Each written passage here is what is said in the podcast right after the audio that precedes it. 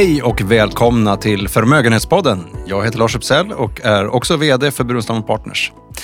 Vi är nu i början av 2022. Ett nytt år, ett nytt poddår och det är den 19 januari idag. Eh, Det är eftermiddag och jag sitter här med Micke Levin. Ja. Mikael Levin. Ja, precis. Det gör du. hej, hej. Hej! Eh, Burenstam Partners eh, chefsstrateg. Du, vi ska prata lite grann om vad som händer och vad vi kan förvänta framåt. Eh, vi sitter här, det är ett nytt år, man funderar på, kommer det bli fågelfisk eller mittemellan i år?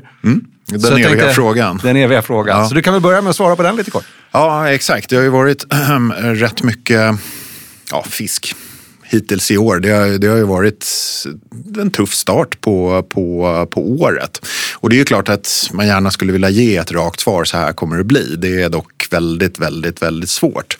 Eh, men för att komma fram till någonting åtminstone så kan det ju vara på sin plats att liksom ta upp lite förutsättningarna fundamentala faktorer som driver marknaderna och framförallt några scenarier på vad som eventuellt kan hända under året innan man då kommer fram till om det ska upp eller ner eller om det ska just ligga mitt emellan. Vissa brukar i och för sig vara väldigt duktiga på att tala om hur det blir, men de har ofta fel. Ja, det är väldigt sällan man, man vad ska man säga, en prognos på ett års sikt. Det kan ju hända så otroligt mycket och baserat på alla andra tidigare år i historien så händer det också väldigt mycket under ett enskilt år. Så att just att, pricka att, att aktiemarknaden ska, ska gå upp 12,6 procent och få hem den, eh, då har man nog i min bok lite mer tur än, än någonting annat. Men vi ska prata om vad som är mest aktuellt just nu. Lite grann om, om eh, vad som driver marknaden och vad som diskuteras. Och du har väl lite tankar där antar jag? Ja, det, det är ju som vanligt liksom ett sammelsurium av olika faktorer som påverkar marknaderna. Det här är ju ganska eh, ja, komplex materia eller vad man ska, ska kalla det för. Men eh, just nu så är det ju väldigt stort fokus på räntorna och eh, framför allt vart de är på väg. Vi har ju sett en viss eh, ränteuppgång här under slutet av förra året och den har ju fortsatt lite i år och det här har ju inte tagits emot jättebra av till exempel då aktiemarknaden. Det är ju framförallt vissa segment som till exempel tillväxtaktier har ju varit mycket fokus på som eh, tar lite stryk då när, när räntan stiger förutom då att obligationsdelen eller ja, av portföljen då både eh, långa räntor men även till viss del krediter de, de drabbas ju såklart negativt av att, att, eh, att räntan stiger. Så den stora frågan där är ju vart, eh, vart vi är på väg. Och det drivet från USA eller Fed? Ja, mycket kommer ju från USA. Eh, svenska räntor påverkas ju väldigt mycket vad som händer i, i, eh, i resten av världen och det är klart att USA och Europa är dominerande. Liksom. Trenden där sätter sig ofta även, eh, även i Sverige. Eh, så att Lite kort, ja, jag tror att räntorna kommer att fortsätta, fortsätta stiga. Den stora frågan är ju såklart, okej, hur mycket och hur fort? Eh, och där råder det ju otroligt delade meningar. Det har ju varit, eh, om vi tar egentligen sedan finanskrisen så har ju narrativet varit att räntan ska stiga, ekonomin ska komma igång, återhämtningen och så vidare. Eh, och från tid till annan så har vi ju haft stigande räntor de senaste 10-12 åren. Men den långa trenden har ju faktiskt varit ner. Och nu är vi ju ganska, ganska nära botten om man kan kalla det för det. det. Vi har ju varit nere under noll i Europa och, och jag tror den amerikanska tioårsräntan bottnade ur på någonstans runt 50 punkter.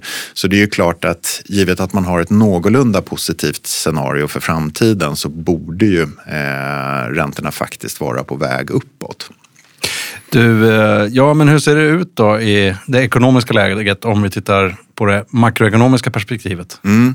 Ja, men det, enligt det så, så då är det ju självklart att räntorna ska upp. Det går ju bra just nu. Eh, tillväxten är ju, även om den är på väg ner då efter ett ganska starkt fjolår, så ser det ändå ut som vi får en ganska hygglig tillväxt under, under 2022. Så ur det perspektivet så kan man tycka att är tillväxten då, eller landar den på någonstans runt 4 procent globalt så borde ju räntorna vara något högre än vad de är, är idag. Men eh, det som är den stora eh, liksom, elefanten i rummet, det är ju såklart den här inflationen som vi har levt med nu det senaste halvåret i reella tal. Det var ju mycket prat förra året, i början av förra året, om att inflationen skulle stiga. Och det gjorde den ju mot slutet av året. Och det här är ju delvis en ny situation. Och de tal vi ser, eh, amerikansk inflation på 7 procent, europeisk inflation på nästan 5 procent. Det är klart att marknaden blir nervös på det. Eh, vi har ju inte varit i den situationen.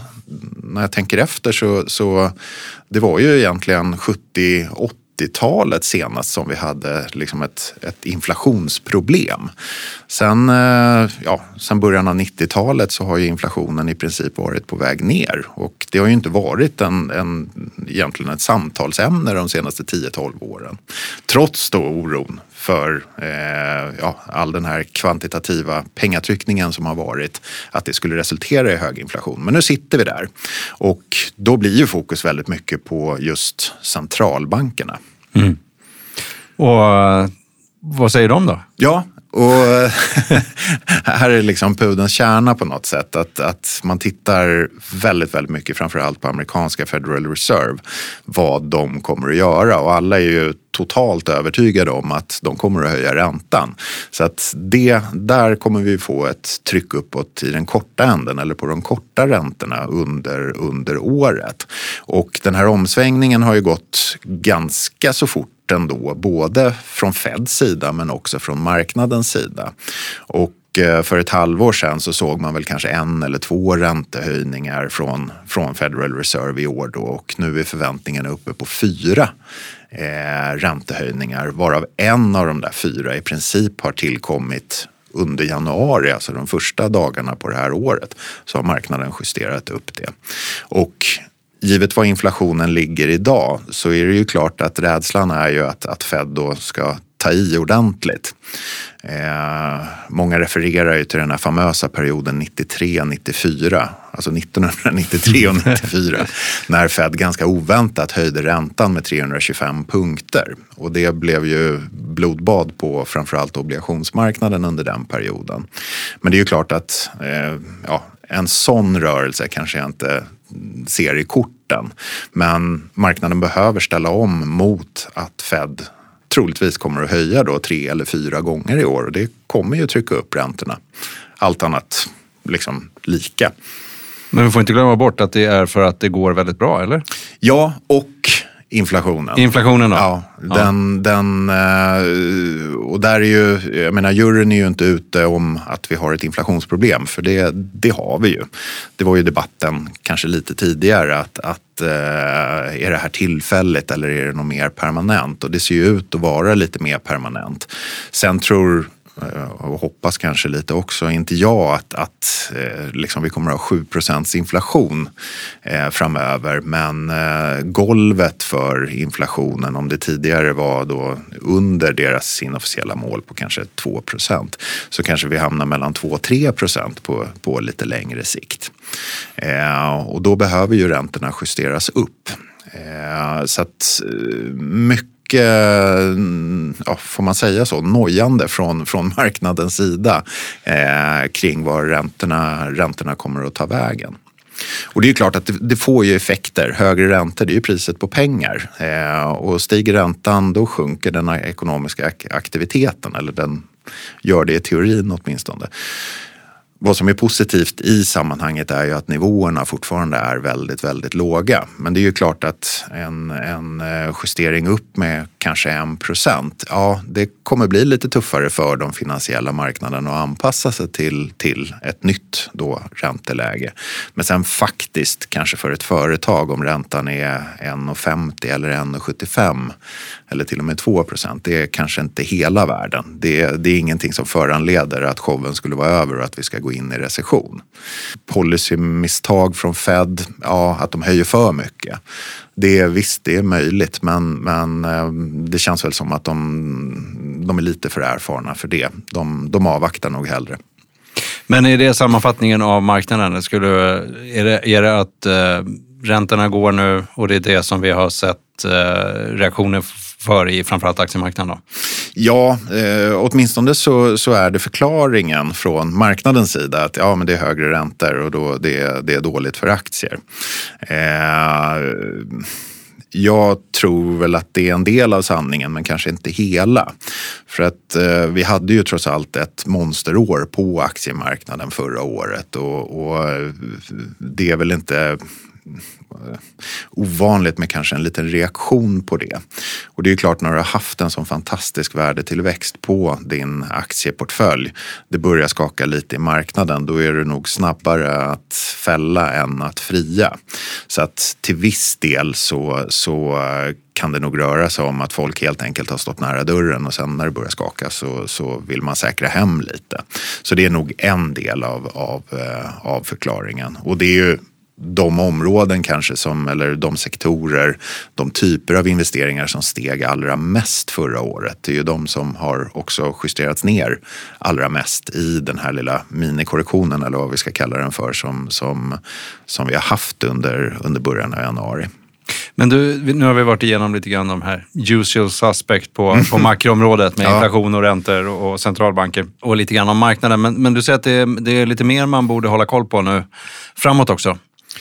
Ja, det, det är alltid miljoner saker att hålla koll på. Det blir väldigt, väldigt svårt. Men, men eh, återigen, stort fokus i det korta medellånga perspektivet på inflationen och hur centralbankerna reagerar på det där. Tillväxtmässigt så som sagt 2022 ser det ut att bli ett ganska hyggligt år. Så att återigen, showen är inte över. Återhämtningen fortsätter. Men det är ändå eh, liksom någon sorts form av normaliseringsprocess. Och det är sådana kanske gör lite ont när, när det skiftar regim i marknaden. Eh, nu ska det bli mer just som vanligt. Och rent vad ska jag säga? Eh, jag är inte jätteorolig för tillväxten. Jag har jättesvårt att se att det ska bli någon sorts form av recession. Det skulle då vara, för att återvända till Fed, om de gör något så här gigantiskt policymisstag. Men ja, de, de verkar ju ha koll. De har ju managerat marknaden ganska bra hittills skulle jag vilja säga. Du, men vi går väl in i rapporteringsperioden nu om vi tittar mm. på, ner på hur bo, bolagen påverkas då. Mm. Vinster, vinsttillväxt, Exakt. Nej, men, eh, priset på pengar som sagt, stiger det? Ja, men det är klart att det riskerar att äta, äta marginaler. Eh, vi har ju också det faktum, framförallt i USA, kanske inte så mycket i Europa och, och eh, ja, eh, resten av, av eh, de utvecklade ekonomierna. Eh, men USA har en väldigt tajt arbetsmarknad. Det är svårt att få tag på folk. Och det är också en del av den här inflationsrädslan att, att lönerna ska börja pressas upp.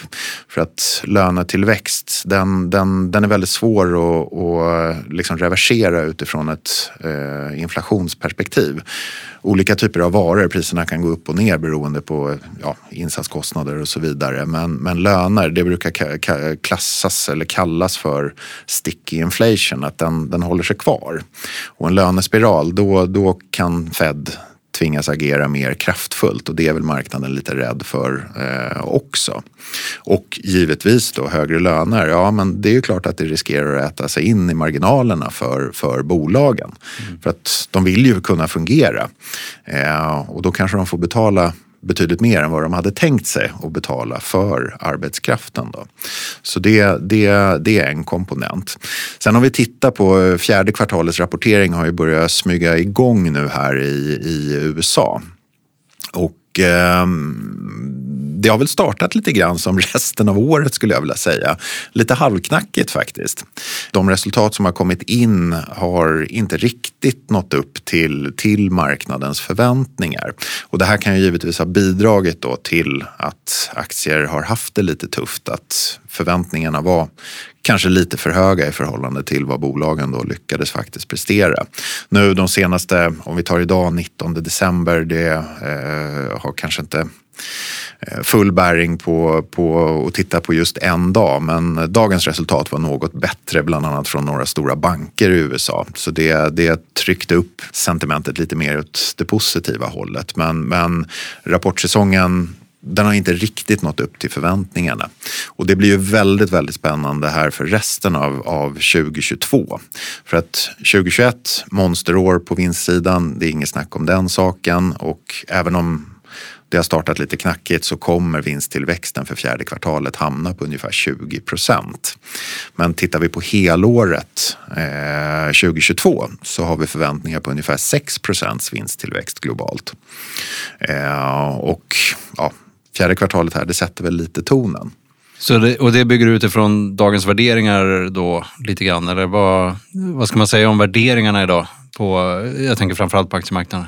Ja, de är ju lite utsträckta, det är inget snack om saken. Men tack vare då den här eh, fantastiska vinstutvecklingen som, som eh, var under, under förra året så, så har värderingarna oavsett region egentligen fallit tillbaka lite från toppen topparna i början av, av 2021. Så vi har sett att P talet har, har sjunkit under, under året.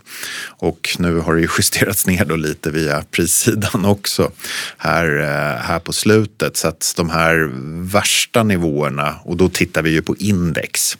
Eh, sen finns det ju fortfarande liksom delar av marknaden som är väldigt högt värderade, till exempel då techbolagen eller techsektorn. De är ju, ja, eh, jag ska inte säga ordentligt upp i det blå, men lite utsträckt. Och det är också där vi har sett de största fallen under, under början av året. Så att fortsatt lite, lite utsträckt men, men betydligt mer moderat än vad det var för ungefär ett år sedan. Men du, om vi tar humöret då på marknaden, mm. sentimentet. Ja. Eh, lite varierande då från dag till dag beroende på vad de här ja. smygrapporteringen... Ja, nej men det, det, det svänger fort på marknaden. Det, det är inget snack om den saken. Och Eh, förra året avslutades ju sådär lite halvsurt. Det blev ju någon sorts tomterally till sist i slutet av, av, eh, av december. Men det kändes mer som att det, det nästan tvingades fram för det var en hel del frågetecken där under november, december bland annat kring inflationen och marknaden var lite misstänksam så det var ju inte något liksom, någon så eufori på något sätt.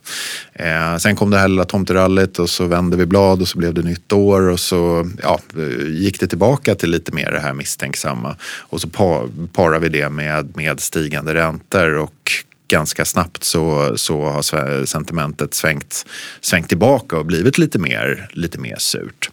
Men eh, sen ska man också komma ihåg att vi som svenska investerare har ju ofta Stockholmsbörsen som, som benchmark eller vad man ska kalla det för. Det är väl det enda benchmarket som är giltigt? Ja, ja exakt. Det är, för oss i varje fall. För, för resten av världen så kanske det inte är lika relevant. Eh, men Sverige har ju gått betydligt sämre än de andra regionerna. Eh, om vi tar tillväxtmarknader, i Japan, Europa, USA så är de ner någonstans kanske 2 till 4 procent medan vi är ner ungefär 8 procent i Sverige. Så det är lätt att få intrycket att aktiemarknaden liksom totalrasar bara för att man tittar på, på Sverige. Men i resten av världen så är det delvis en annan historia. Det gäller att sprida riskerna. Alltid.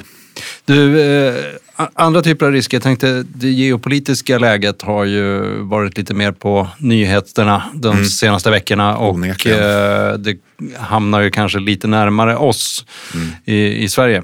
Ja, eh, jag antar att du tänker lite grann på den här, eh, vad ska man säga, konflikten mellan eh, Ryssland och eh, Ukraina. Ja, den och kanske Ryssland och resten av världen höll jag på att säga. Ja, ja de, de uh, den är oerhört svår. Vapenskrammel, liksom, oavsett valör, det, det är alltid en osäkerhetsfaktor på marknaden och där tror jag är liksom, eh, eh den stora ska man säga, drivkraften. Eh, jag vill ju inte utge mig för att vara någon sorts säkerhetspolitisk analytiker, för det är jag inte. Men däremot den här osäkerhetsfaktorn, hur den påverkar marknaden. Det är ju, det är ju klart att det är ju inte, det är ju inte någonting som är positivt. Och eh, Ryssland har ju straffats lite grann av det här, kanske inte rent ekonomiskt. Däremot på den ryska börsen så har det ju varit väldigt uppförsbacke.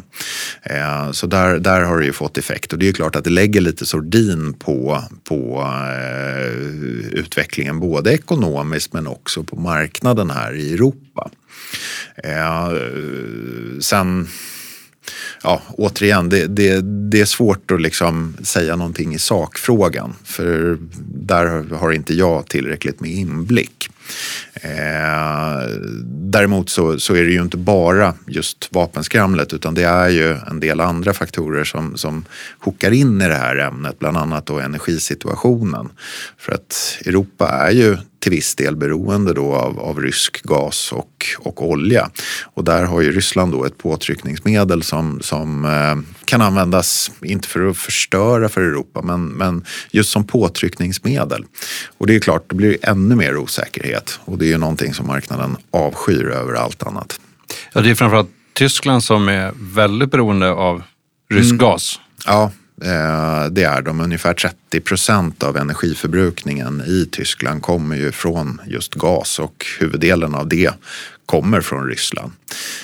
Och där är ju också en dimension som spär på den här osäkerheten lite grann för att eh, Europa kan man väl inte säga står 100 procent enat i och med att Tyskland då har eh, den här kopplingen till Ryssland via just just gasen då, den här Nord Stream 2 heter den, den här gasledningen som just har byggts.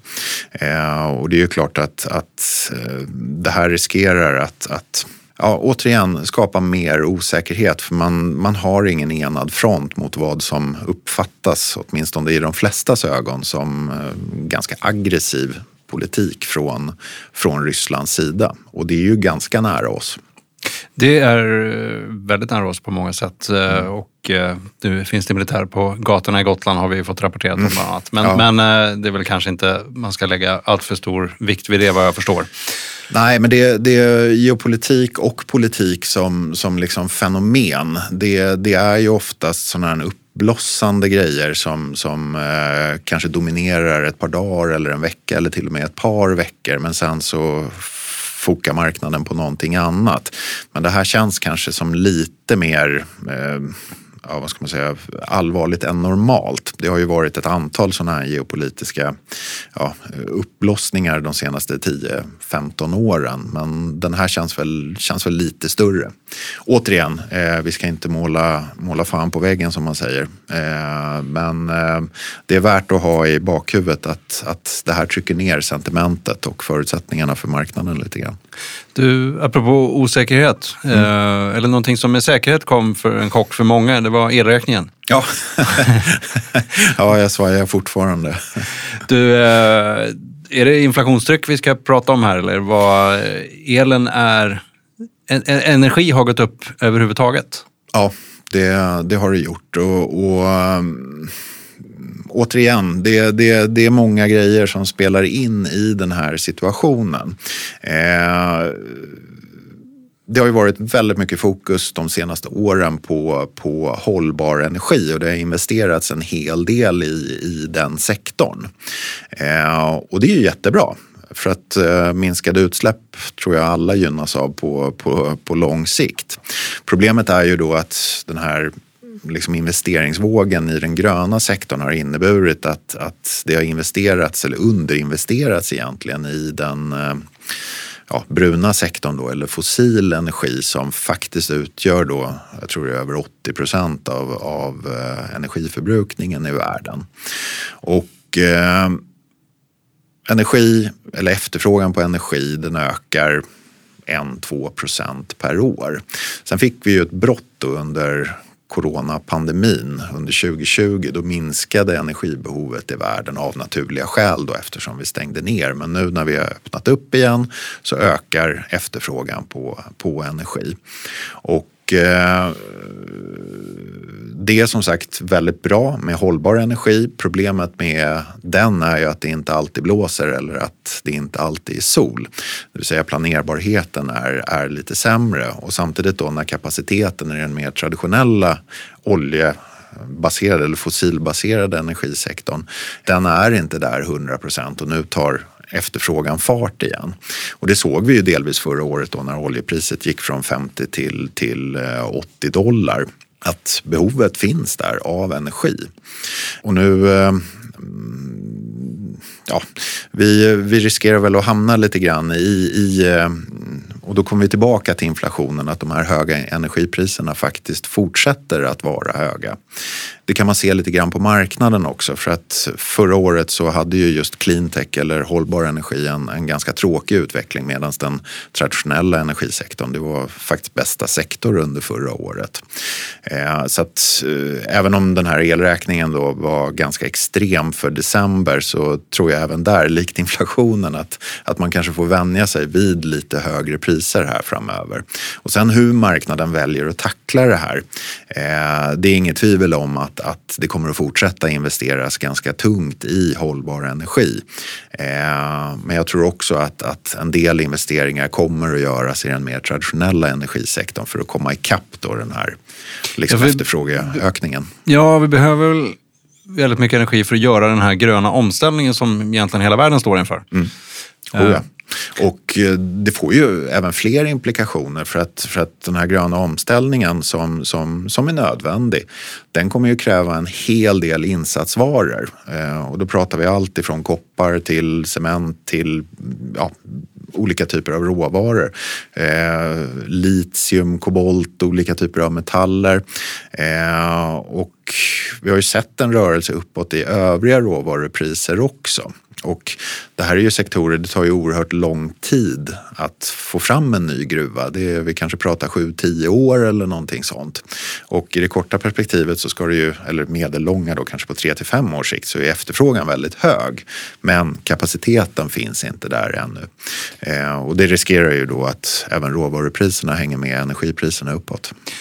Inflationen har säkert delvis bestått av energi. Nu har eh, vi i alla fall Eh, får vi tacka för, eh, vädergudarna höll jag på att säga, för nu har det blivit, blivit lite varmare. Ja, kanske under januari åtminstone. Ja, under januari Ja. åtminstone så långt. Så, Så- får vi se. Ja, nej men det, det är likt inflationen där att, att eh, det kommer nog inte bli som de här toppsiffrorna vi har sett oavsett om det gäller inflation eller elräkning. Men jag tror att man får räkna med att, att liksom golvet har höjts lite grann även, även framöver. Ja. Men även om vi ligger på den nivån så har vi egentligen ingen inflation om vi ligger kvar. För Nej. inflation är ju eh, stigande priser. Ja. Slutkommentar där. Men tiden börjar gå mot sitt slut, Mikael. Och, Redan? Jag, ja, faktiskt. Men jag tänkte du kunde få chansen att uttala dig lite grann om det finns något mer som du skulle vilja lägga till. Ja, jag tycker i det korta perspektivet just nu här 19 januari återigen så är vi väldigt fokuserade på att, att oj, aktiemarknaden går dåligt, räntorna stiger. Det blir, det blir ett väldigt snävt tidsperspektiv. Vi kanske kommer sitta här i mars och prata om helt andra saker för då, då är det nya förutsättningar. Men sådana här perioder då när aktiemarknaden, den svenska, eh, om vi tar den, går ner 5-7 procent. De kommer att komma även framöver. Och jag tycker den här liksom grundtanken med diversifiering, att man sprider riskerna mellan olika tillgångslag och även inom dem. Det är vid sådana här tillfällen man verkligen, verkligen drar nytta av det. Så att återigen standardrådet, det blir att se över portföljen, se till att den är ordentligt diversifierad. Det är väldigt lätt att liksom haka på det som kanske var förra årets vinnare eller det man upplever kommer bli nästa vinnare. Men, men det är väldigt svårt att pricka rätt. Så att eh, se till, sprid riskerna, diversifiera. Då kan man klara sig igenom sådana här, eller komma igenom sådana här perioder med betydligt mindre stress än om du inte hade gjort det. Som en vinnare helt enkelt. Ja, precis. Du Mikael, det får vara slutorden för idag. Stort tack för att vi fick samtala lite grann här. Och till er lyssnare så önskar jag er en fortsatt trevlig januari och på återhörande längre fram. Tack ska ni ha.